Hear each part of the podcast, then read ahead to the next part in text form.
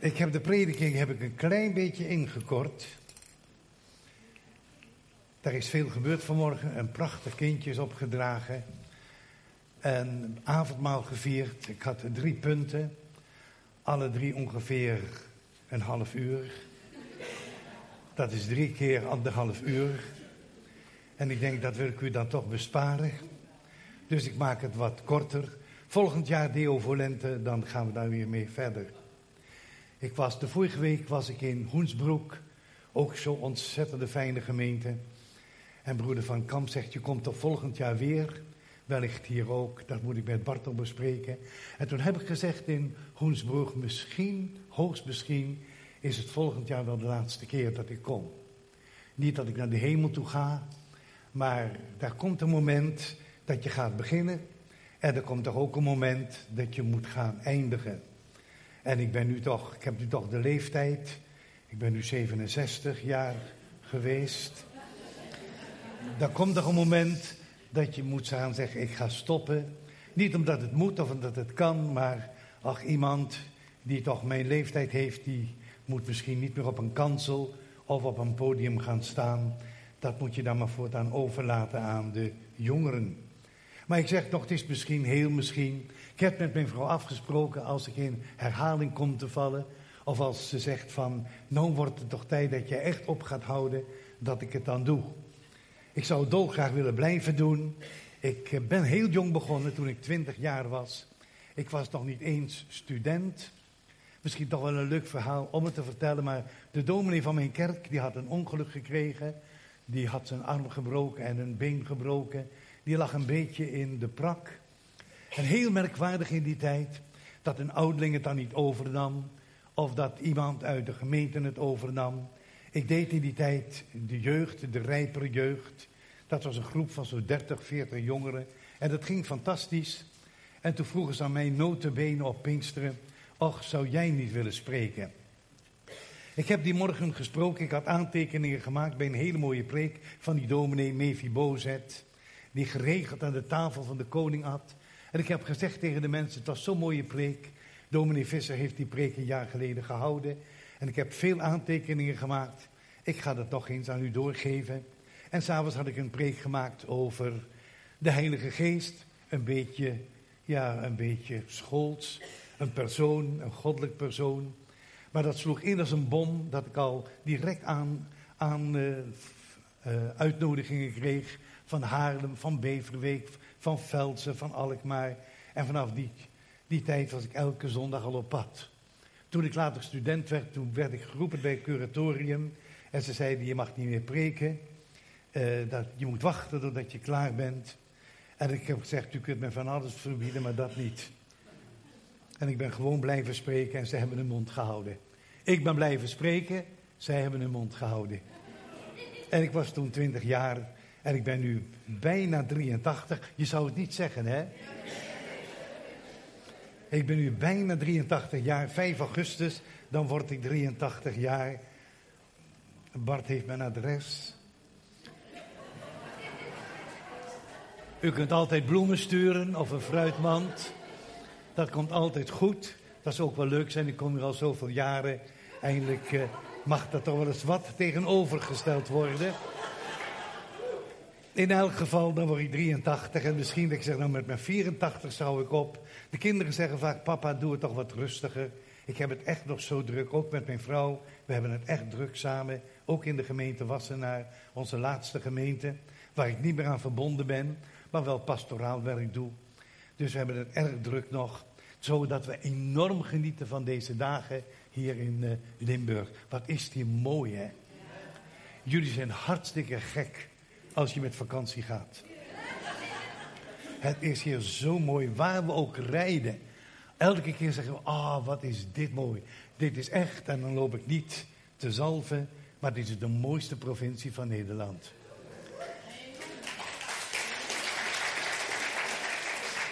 Ik had altijd gehoopt in het verleden om nog een beroep te krijgen uit deze buurt. Sittard, waar dominee Eier toen stond.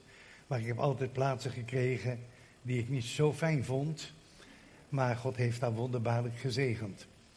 En laatste nog, dit jaar was een bijzonder jaar. Ik ben aan beide ogen geopereerd. januari mijn rechteroog en in februari mijn linkeroog. Het is een beetje vervelend als ik jullie nu zie.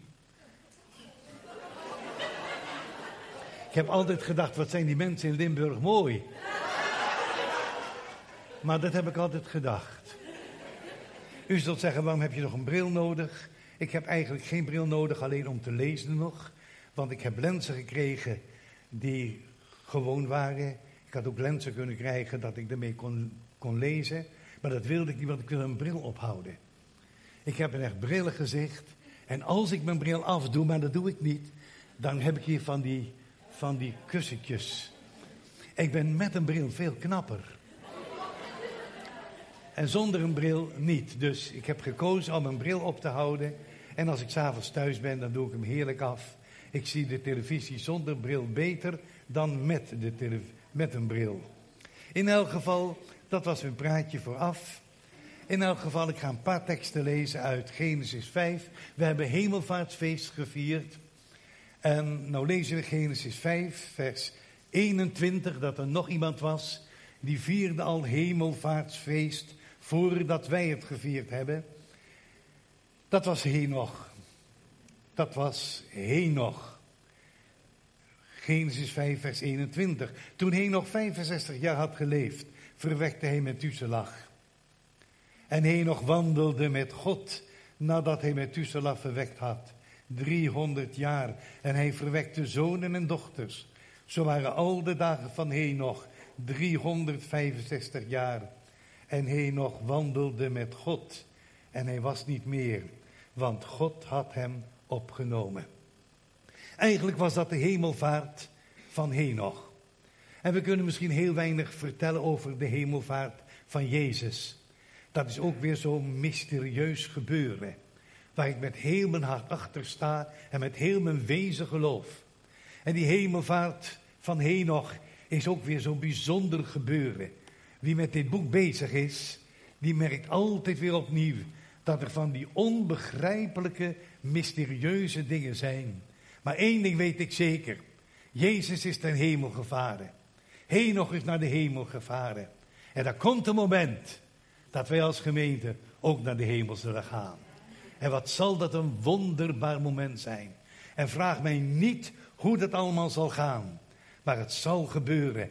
En wij zullen vol bewondering en vol verbazing gaan kijken wat God gaat doen.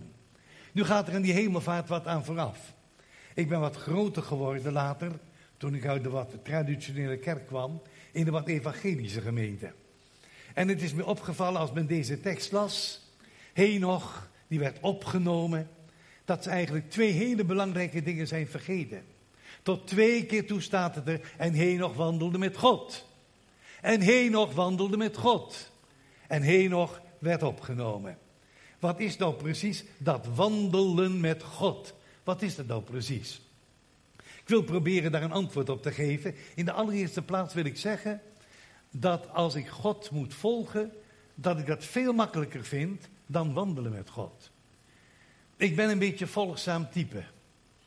We gaan altijd in oktober met vakantie, al jarenlang, met een paar vrienden. Een collega van mij, met zijn vrouw. En wij kunnen het heel goed vinden samen.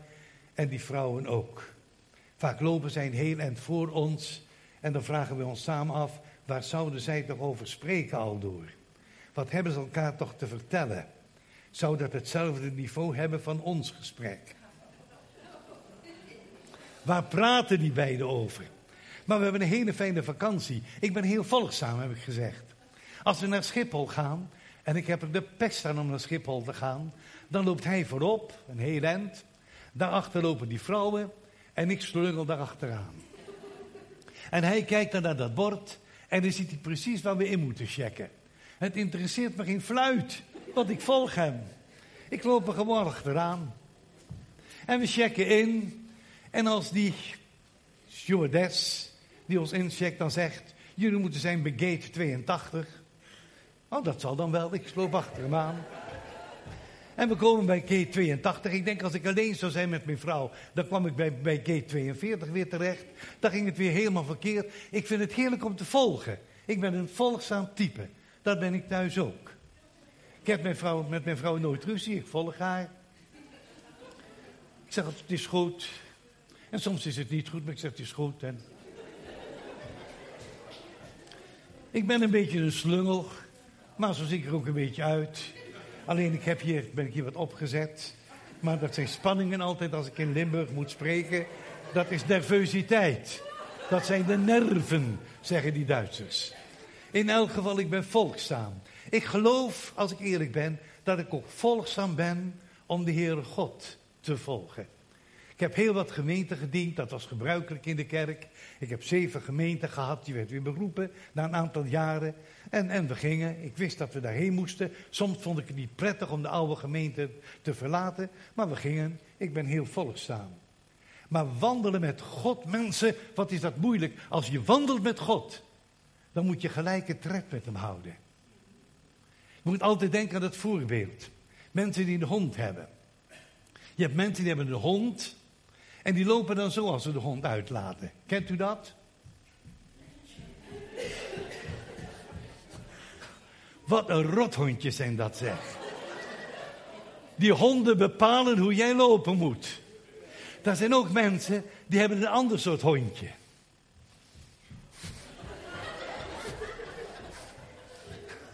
Zo zijn christenen vaak. We lopen een eind voor God uit. Dat is anticiperen. Of de Heere God moet ons beter. Kom op, kom op. Ik heb iemand gekend bij ons in de buurt. Die had een herdershond. Hele grote. Het leek meer op een wolf dan op een hond. En dat was zo mooi. Die hond liep ook niet aan een riempje, aan een lijn. Maar die hond liep na zijn baas. Als de baas twee stappen deed, deed hij er vier. Dan moet je algebra voor kennen. Fantastisch. Oh, en dat is dan wandelen met God. En ik moet u zeggen, ik vind dat soms moeilijk. Want de weg die God soms gaat, is eigenlijk niet te begrijpen. De weg die God gaat is vaak zo onbegrijpelijk. Er is een prachtig lied in de bundel van de hervormde kerk. En als ik daar spreken moet, dat gebeurt een enkele keer, of in de gereformeerde kerk, dan laat ik het altijd zingen. Ik vind het een prachtig lied. Het is eigenlijk mijn lievelingslied geworden. Heer, ik wil uw liefde loven. Al begrijpt mijn ziel u niet. Zalig hij die durft geloven, ook wanneer het oog niet ziet. Schijnen mij uw wegen duister, Heer. Ik vraag u niet waarom. Eenmaal zie ik al uw luister als ik in uw hemel kom. Daar zijn van die onbegrijpelijke dingen in ons leven. Ik ga u er niet veel van vertellen.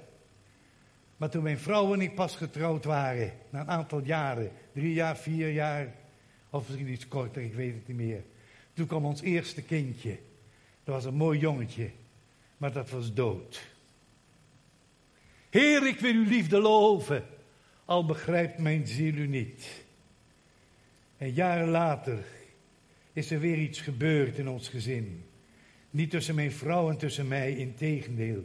We zijn 56 jaar getrouwd. Een aantal jaren verkering gehad. We, elkaar, we kennen elkaar meer dan 60 jaar. De band was altijd goed. En die is nog veel beter en veel steviger geworden. Maar er is iets gebeurd wat zo verschrikkelijk was. Dat we zeggen, Heer, ik begrijp dit niet, maar ik wil uw liefde loven, al begrijpt mijn ziel u niet. Met God wandelen, dat is geen eenvoudige zaak. Je kunt vanaf een preekstoel, vanaf een kansel, vanaf een podium heel goed en mooi over spreken. Maar ik durf te zeggen, wat is het vaak moeilijk om met God te wandelen. Ik luister zo graag, als me dat lukt, morgens naar Bobby Schuller uit Amerika. En die zingen vaak een lied wat ik erg mooi vind. Alleen ik heb het een beetje veranderd. Zij vreugde mijn deel is, of smart mij verteert. En dan komt dat koortje, het is mij goed, wat mij God mij beschikt. Ik heb dat veranderd. Het is mij goed. Het is mij goed wat God in mijn leven toelaat. Dat is goed. Wat is dan wandelen met God? Ik wil proberen daar een paar antwoorden op te geven. In de allereerste plaats, wandelen met God. Dat is wandelen in overwinning. Er is een tekst die vaak geciteerd wordt door Pinkstermensen, en dat ben ik geworden, maar soms een beetje verkeerd. Wij zeggen zo vaak, wij zijn meer dan overwinnaars. En dan zegt de gemeente natuurlijk amen. Wij zijn meer dan overwinnaars. Maar er staat iets voor en er volgt iets na. Daar staat voor, maar in dit alles. Niet na dit alles, maar in dit alles. En wat is dit alles? Het staat in Romein 8. Vervolging, verdrukking, honger, naaktheid, gevaar, het zwaard, de dood. Maar in dit alles, niet na dit alles, in dit alles zijn wij meer dan overwinnaars. Door Hem. En we hebben allemaal te maken met in dit alles. En dan is het misschien in dit land nog niet vervolging en verdrukking en honger en naaktheid. Maar we hebben wel met dit alles te maken. We hebben te maken met mensen die kanker hebben. We hebben te maken met mensen die afschuwelijke spierziekte hebben. We hebben te maken met mensen die gaan scheiden. We hebben te maken met zoveel problemen, ook in de kerk, ook in de gemeente van Jezus Christus. En dan te geloven niet, we zijn na dit alles, nee, we zijn in dit alles. In dit alles. Meer dan overwinnaar. En ik denk, dit is de beleidenis geweest van mijn vrouw en van mij. In dit alles, in dit alles zijn wij meer dan overwinnaar. En soms, soms moet je daar op een hele bijzondere manier aan geholpen worden. We hebben een aantal kinderen. Twee mooie dochters en een zoon. Ik was 58 jaar toen ik uit de kerk ging. Ik moest er niet uit, maar ik ging eruit. Ze vonden mij, denk ik, toch te pinksterachtig, hoewel ik dat helemaal niet was.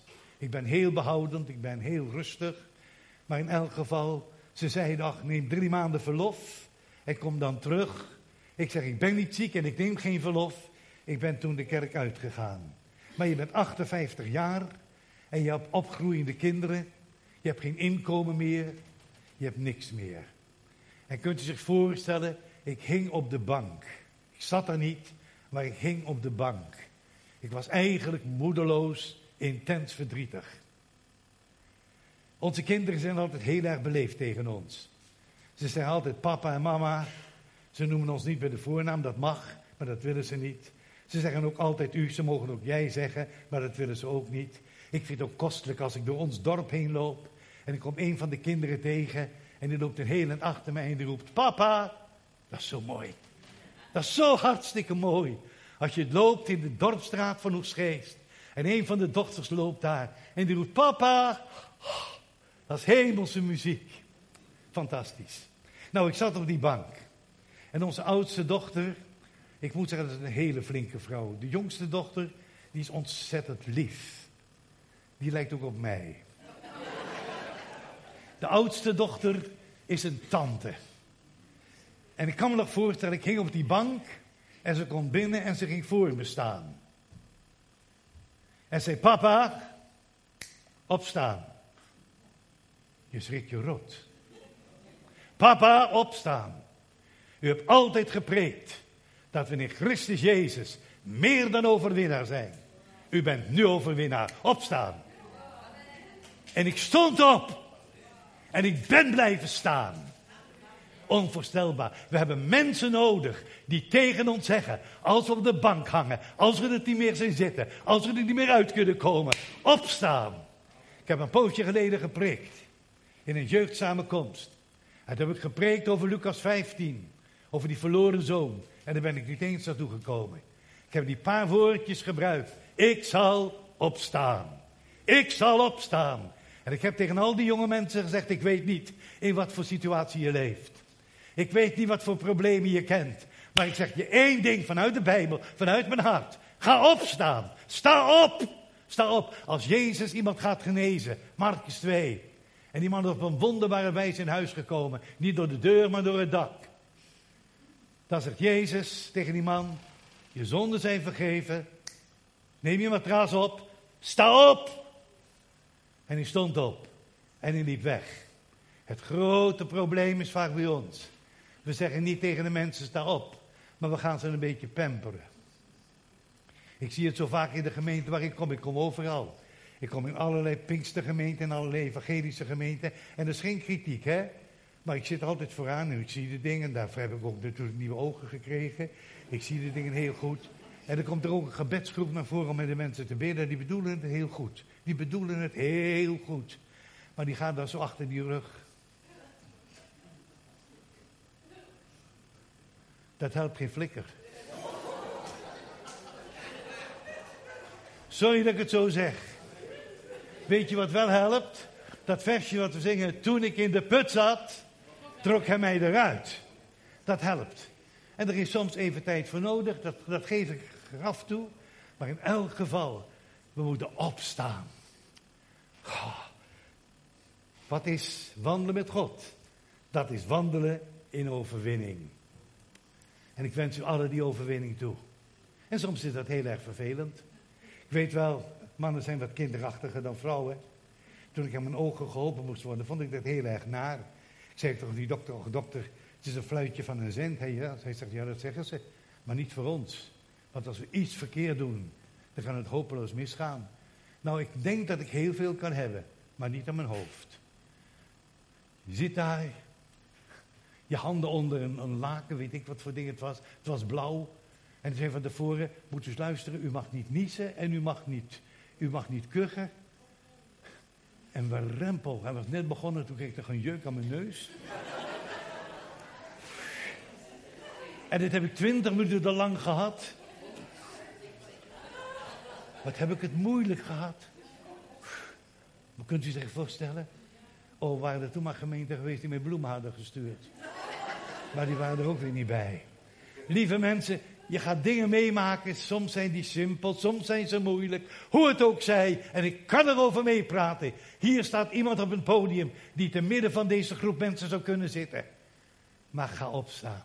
Ga opstaan. In de naam van Jezus. Wat is wandelen met God? Oh, ik heb er een paar. Ik heb een klokje neergelegd hoor. Ik stop echt al om kwart voor één. Wandelen met God, dat is wandeling kracht. Oh, we kennen allemaal die tekst uit Handelingen 1. Gij zult kracht ontvangen wanneer de Heilige Geest over u komt. En ge zult mij getuige zijn. Ge zult kracht ontvangen. Hoe is het met ons? Ik denk dat ik een half jaar geleden sprak in de gereformeerde kerk. Lieve mensen hoor, grote kerk. 500 mensen konden erin. En er zaten er misschien de 120 in die avonddienst. Nog een mooi groepje hoor. En toen zei een van die oudingen tegen mij. Over een paar jaar, dan kunnen we hier de tent sluiten. Het is een krachteloos zootje geworden. Ik heb tegen hem gezegd, broeder, ik begrijp u. Maar zeg nooit meer, het is een krachteloos zootje geworden. Want je spreekt altijd nog over de kerk, over de gemeente van Jezus. Het is zijn gemeente, het is zijn kerk. Maar ik geef u wel gelijk. Het is een krachteloos spulletje geworden. We zijn krachteloos geworden. En dat ga je hoe langer hoe meer ontdekken. Was misschien een jaar of 35 dat ik geregeld sprak voor de NCRV radio. Op zaterdagavond. De ouderen weten dat misschien nog wel. Laat ons de rustdag wijden. En een van de laatste keren dat ik sprak, dat werd toen de laatste keer, ik mocht toen niet meer spreken, sprak ik op Psalm 84. Zij gaan voort van kracht tot kracht, totdat ze verschijnen voor God in Sion. En toen zei ik, lieve luisteraars, zullen we er maar van maken.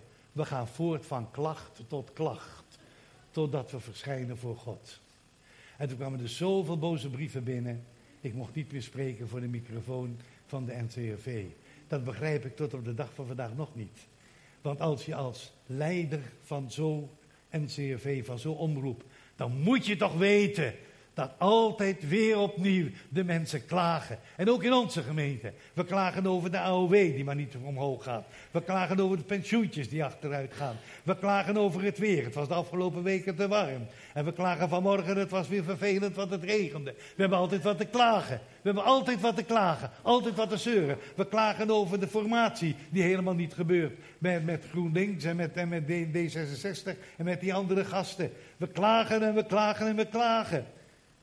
Zou het die tijd worden dat onze bundel opwekking maar gingen inruilen voor die bundel van Jeremia, klaagliederen? We klagen altijd. Ik denk, en mijn vrouw kan dat getuigen, ik denk niet dat ik klaag. Ik ben ontzettend dankbaar. Oh, ik heb vanmorgen nog gebeden, Heer, wat geweldig dat we in deze provincie mogen zijn. God, wat is het hier mooi. Ik weet precies wat ik gezegd heb. God, is het fijn om vanmorgen naar Schinnen te gaan. En daar zoveel fijne mensen weer te ontmoeten. God, het is het fijn dat we over een paar dagen weer terug naar huis. Dat we ons eigen fijne appartement weer vinden. God, het is het fijn dat we onze kinderen weer gaan ontmoeten. God, ik ben u zo dankbaar. God, ik ben u zo dankbaar dat ik op deze leeftijd zoveel werk mag doen. Mag preken, soms zondags twee keer. God, ik ben u zo dankbaar. Mijn hart loopt over van dankbaarheid. Ik denk, ik ben niet iemand die klaagt. Een heel enkele keer misschien. Misschien.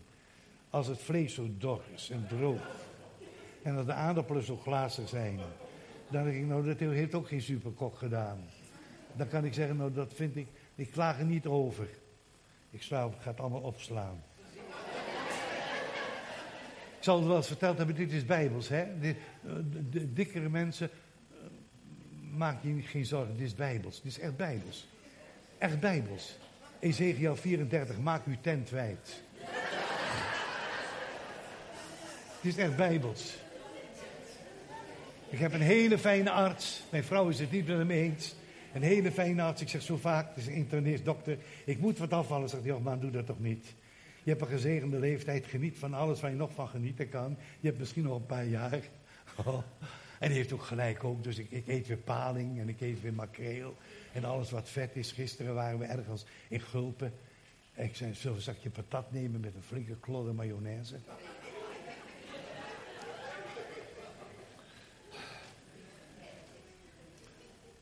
Wandelen in kracht.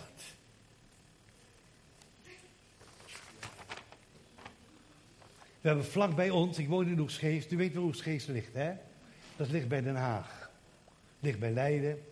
En vlak bij Leiden hebben we een eiland. Daar wonen heel wat mensen nog. Daar staat een kerk, een grote scheepswerf, uh, wat school, en nog een schooltje ook, wat huizen en natuurlijk heel wat restaurants. We waren daar nog nooit geweest, mijn vrouw en ik. Dat heet het Kaag-eiland. Waren we nog nooit geweest. Ik zei, wat is het toch zot, hè? We zijn op Madeira geweest en op Malta en op Tenerife. We hebben al de eilanden van de wereld bijna gehad. Behalve het Kaag-eiland. Dat is 15 kilometer bij ons vandaan. Dat is toch zot, hè? Ik ben wel op, op, op Texel geweest, ik moest dat toen breken. Maar nog nooit op Terschelling, op Ameland. En daar zijn we nog nooit... Wat raar is dat, hè? Dat zijn we raar, hè? Ja, wij, hè? Dat bedoel ik. Niet jullie, maar wij. Nou, we gingen naar een restaurantje. Natuurlijk moest mijn vrouw weer koffie hebben. Ik hou niet van koffie. Maar ja, zij wilde koffie hebben. En ik had in die tijd een goede spreekbeurt gehad. Dus ik zei, neem maar cappuccino. En daar hing, in dat restaurantje, daar hing een plakkaat, dat was dit ding. Mooi. Ik dacht, zullen dit Pinkstermensen zijn? Dit was zo mooi. U wil dit vast weten hoe mooi het is, hè? Ja, dat zie ik aan u. Ik zei tegen die, die, die, die man die achter die bar stond, heb, heb je daar een afschrift van? Hij zei, ja zeker. Ik lees u het voor. Het is niet lang hoor. Als je denkt, ik ben verslagen, dan is de nederlaag een feit. En als je denkt, ik kan het niet halen, dan is de tegenslag op til. Moedelozen gaan ten onder door hun twijfel, door hun vrees. Vechters winnen door een wonder. Telkens weer de zwaarste race. En denk, ik kan het. En dan gaat het. Ieder vindt bij wilskracht baat. En in zaken wint de daad het van het nutteloos gepraat. En als je jammert, ik ben zwakker dan mijn grote concurrent, blijf je levenslang de stakker die je ongetwijfeld bent. Dit is Pinksteren. Dit is Pinksteren. Als je denkt, ik kan het, en dan gaat het. Oh, mensen, dit is onvoorstelbaar. Ik vind het zo mooi. En als je jammert, ik ben zwakker dan mijn grote concurrent. We hebben er ook zo'n versje van. Ik snap de bedoeling natuurlijk wel. Maar we zingen dan, ik ben zwak, maar u bent sterk.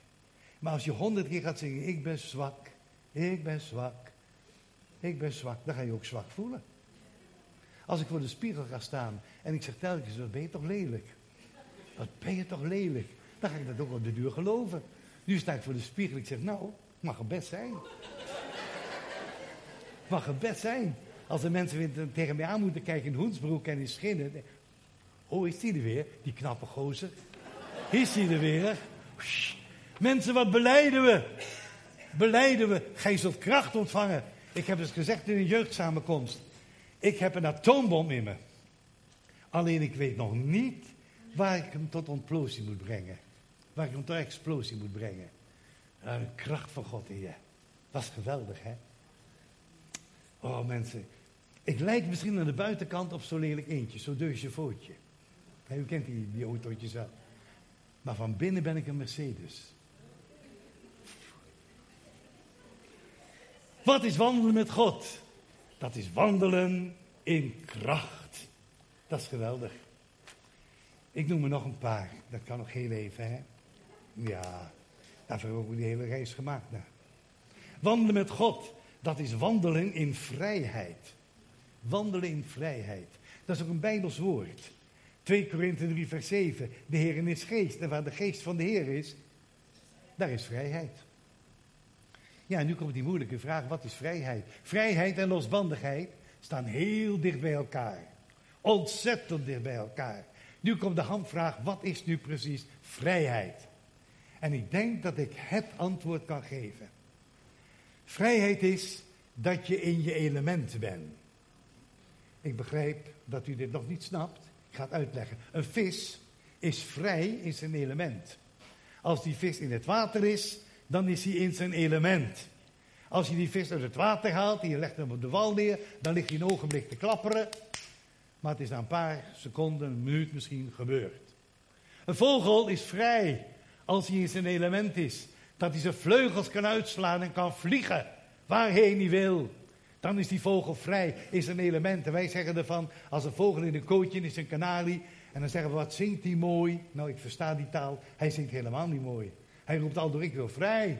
Ik wil eruit. Ik wil eruit. Ik wil niet in een kooi. Een vogel is vrij in zijn element. En een christen moet in zijn element zijn. dan denk ik aan de woorden van de grote bloemhart. Ihr Menschen zijt Gottes. Gij mensen zijt van God. We zijn vrij als wij in God zijn. En dat in, ach laat ik het gewoon vertalen met, we zijn verbonden met, verbonden met God. Dat kennen we vooral ook in onze gemeente. We zijn in Christus gestorven. We zijn in Christus begraven. We zijn in Christus opgewekt. We zijn in Christus medegezet in de hemelse gewesten. Dat in betekent alleen maar, we zijn verbonden met Hem. We zijn verbonden met Jezus. We zijn verbonden met God. En dat betekent niet dat we met een zuur gezicht rond gaan lopen. Maar dat betekent, we zijn in Hem. We zijn in Hem. We zijn in God. Ons leven, mijn leven is inderdaad een leven, ja, toch, toch met God. En dat betekent niet, lieve mensen hoor, dat ik elke dag van morgens vroeg tot laat in de avond alleen mijn Bijbeltje lees. Integendeel. Maar we genieten van zoveel dingen. Oh mijn hemel, wat kunnen we genieten, als u dat eens wist, wat kunnen we genieten in Limburg. Kent u het plaatsje Bocholt? Daar hebben ze toch lekkere wafels. Met warme kersen en met ijs en met slaoom. Oeh, daar kunnen we zo van genieten. We kunnen, en, en mijn vrouw helemaal. En ze weet dan dat ik het na want ik moet allemaal betalen natuurlijk. En dat zijn hele dure wafels. Ik zeg, nou we maar een wafel gewoon nemen met poedersuiker, die is wat goedkoper. Nee, het moet zijn met, met kersen, hete kersen. Het moet zijn met ijs. Het moet zijn met slagroom. Onvoorstelbaar. We kunnen, mensen, we kunnen zo genieten. Het is een leugen van de hel. Als je christen wordt, dan moet je een zwart pak aantrekken. Als je christen wordt, dan moet je je opsluiten in een klooster. Als je christen wordt, dan moet je zuur gaan kijken alsof je een hele fles azijnenpleeg gedronken. Dat is een leugen van de hel. Als je christen bent, dan kun je zo blij zijn. Oh, wij kennen de kracht van God in ons leven. En we kennen de vrijheid van God. Ik ga er nog één noemen. Dat is misschien een moeilijke. Maar ik heb daar even tijd voor nodig om het uit te leggen. Wandelen met God is wandelen in geloof. Wandelen in geloof. Wat is nou precies wandelen in geloof? Ik sprak een jaar geleden, denk ik, voor de reformatorische studenten. En een van de studenten had zijn kamergenoot meegenomen, een atheïst. En die had gezegd, we hebben nou een spreker in ons dispuut.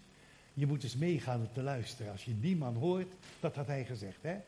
Dus die jongen die kwam mee, die atheïst. Aardige jongen overigens. En hij zei tegen mij, ik heb u bewonderd, wat u gezegd hebt. Ik heb ademloos naar u geluisterd, maar ik ben atheïst, ik ben een ongelovige. En toen heb ik gezegd, man, wat een groot verschil tussen jou en mij. Jij bent een gelovige en ik, ik ben geen gelovige. Snapt u ook niet, hè? En ik, ik, meen het serieus. Hij was een gelovige. Want hij geloofde, ik kwam uit het niks. En ik ga weer onder in het niks. Een groot geloof. U zegt, geloof jij dan niet? Ik zeg tegenwoordig niet meer dat ik geloof. Ik zal u ook vertellen waarom. Ik hoor zelfs bij christenen zeggen, ja, het is toch maar een geloof. Het Griekse woord voor geloven is pistauo. pistauo. Dat betekent geloven. En dat betekent vertrouwen. En dat betekent gehoorzamen. Ik zal u vertellen, ik zeg niet ik ben een gelovige. Ik vertrouw iemand met hoofdletters. En zijn naam is Jezus. Hij heeft gezegd in dit wonderbare boek, ik ben met je. Al de dagen tot aan de volleinding der wereld. En ik vertrouw wat hij tegen mij heeft gezegd. Dus ik ben niet zomaar een gelovige. Nee, ik vertrouw iemand die tegen mij zegt wat hij meent. Toen ik in Hoensbroek moest spreken, voordat we daar naartoe gingen, we waren nog in, in Oesgeest, belde broeder van Kamp mij op en die zei, we hebben die in die datum genoteerd, je komt toch hè? Ik zei, ja, ik kom. Hij vertrouwde mij. Ik had gezegd, ja, ik kom. Hij vertrouwde mij. En hij had mij gebeld. Je komt toch? Ik vertrouwde hem. Ze rekenen op mij. We vertrouwden elkaar. Ik vertrouw iemand. Prachtig voorbeeld heb ik. Ah, oh, wat een mooi voorbeeld. Toen ik jong was, misschien een jaar of veertig, had ik contact met een oudere predikant. Hij was al, of ging met emeritaat. Het was een andere tijd dan nu. Je zei tegen een oude dominee altijd dominee. En hij zei tegen jouw collega. En ik had we hebben heel veel aan die man gehad. Toen mijn vrouw heel ernstig ziek lag, kan wel zeggen toch op sterven, kwam hij midden de nacht naar ons toe en bezocht ons. Een bijzonder mens. Op zekere dag is hij heel erg ziek, ligt in het ziekenhuis, het wordt sterven. En zijn zoon belt me op en die zegt, dominee, papa ligt in het ziekenhuis, zou u hem willen opzoeken? Hij verlangt zo naar u. Ik zeg, ik ga à la minuut. Ik stap direct in de auto en ik ga naar het ziekenhuis. En ik ging erheen. En er lag die lieve oude man. Zijn armpjes waren lucifershoutjes geworden door die vreselijke ziekte. Zijn handen waren eigenlijk doorschijnend. Ik zat bij zijn bed en hij zegt tegen mij: Alles wat ik ooit heb gepreekt, zou dat nou echt wel waar zijn? Het doet me weer zoveel dat ik om kan huilen. Het was zo'n prachtig mens. Ik zei, moet dus goed luisteren. En dan weet ik niet of dit van de geest was of uit mijn eigen denken, maar dat doet er niet toe. Ik zei tegen hem, dominee, moet dus goed luisteren. Jezus is geen leugenaar, hè. Hij staat hoog bij de communisten aangeschreven. Hoog bij de humanisten. Hoog bij de socialisten. En die Jezus, die geen laaier is, geen leugenaar, die heeft gezegd, in het huis van mijn vader zijn veel woningen. Anders zou ik het u gezegd hebben. Ik ga heen om je plaats te bereiden. En toen gebeurde er iets wat ik in mijn leven nog nooit gezien had. Dat gezicht veranderde totaal. Totaal. Het ging stralen. Het ging stralen. Hij zei, oh wat ben ik blij met dit woord. Er was iemand die gezegd heeft, ik ga in het huis van mijn vader voor jou een plaats bereiden. En die iemand, die vertrouwde hij. Dat was maar niet een geloof. Nee, dat was iemand met hoofdletters. Die had gezegd, ik ga in het huis van mijn vader een plaatsje voor jou klaarmaken. Ach, u had erbij moeten zijn. Dat gezicht veranderde. Ik, kan ik weet het, ik weet het als een dag van gisteren. Ik zei tegen hem, dominee, zal ik dan met u de Heer gaan danken? Hij zei, oh graag. En die, die kleine handen, die natte handen, die, die wat griezelige, dunne handjes, die legde hij op mijn hand neer. Ik heb nog nooit zo hartelijk gebeden. Nog nooit zo hartelijk gebeden als in die ziekenkamer. Gelukkig lag hij daar alleen, er waren geen mensen bij, de deur was dicht. Ik weet niet hoe ik gebeden heb, maar het, het was, het was grandioos. Iemand, iemand heeft gezegd, ik heb niet maar een geloof. Ach, het is maar een geloof. ik geloof ook niet alles. Er zijn zoveel dingen die ik niet geloof, mensen. Heel veel dingen die ik niet geloof. Ik denk, wat een, wat een poes was allemaal. Maar er is iemand die ik geloof. En die vertrouw ik. En zijn naam is Jezus. Oh, wandelen met God, dat is, en zeg ik toch maar heel even, dat is wandelen in geloof. En ik vind van geloof vertrouwen. Nou, mijn laatste punt, daar sla ik alles over. Jongen, heb ik me hard gewerkt. Ja. Ja, ik sla veel over. Jammer, jammer. Het is zo jammer. Dat is zo mooi. En dat vertel ik straks wel aan. Het is een kritiek aan de ene kant de hemelvaart, dan Pinksteren en dan de wederkomst van Jezus. Heer, ik zeg, ik kom spoedig. Wat is nou precies spoedig? Zit u daar ook niet eens mee? Wat is nou spoedig? Nou, de grote theoloog Louis, die zegt duizend jaren zijn als één dag bij de Heer en één dag als juist een jaar. En dan schrijft hij, naar die maatstaf is de kerk nog jong. Ze leeft nog in haar kinderjaren. En het is ook nog te merken. Zo mooi hè. Ik zeg het niet om Louis zegt het. Het is zo mooi, inderdaad. Ja, wat is duizend jaar? Eén dag is duizend jaar. In elk geval komt toch de vraag bij mij naar boven van, stel de Heer komt.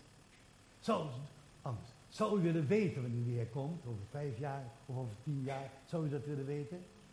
Moet u zeggen, ik zelf niet. Ik weet ook waarom. Als we het zouden weten, als we het zouden weten, dan moesten we weer een commissie samenstellen. Nou, dan had je weer gemiet hoor, in de glazen. Dan moest natuurlijk Franciscus daarin zitten, dat is toch logisch. En Peter Sleebos van de VPE moest erin zitten. Namens Limburg, broeder Bart Havelaar. En ik natuurlijk helemaal. dat is nogal logisch. Wat zouden we dan nog gemieter krijgen, zeg? Over wie in de commissie mocht zitten, ja of nee? Oh, nee, de Heer komt spoedig en hij komt vrij plotseling. Alleen de laatste vraag die ik stel is, stel voor, hij is morgen komen of overmorgen komen. Bent u echt bereid?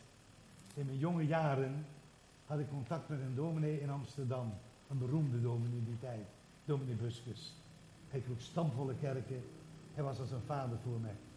En ik kan me herinneren dat hij vertelde dat hij een keer in de trein zat. Hij moest vanuit Amsterdam in Weest spreken. En hij zat in die trein, in zijn bijbeltje nog wat te lezen en misschien de aantekeningen wat door te nemen. En er zat iemand tegenover hem, wat voor iemand, dat weet ik niet.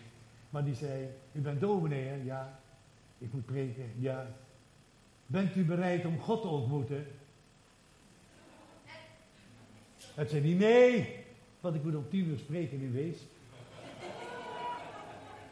Dit vind ik zo mooi.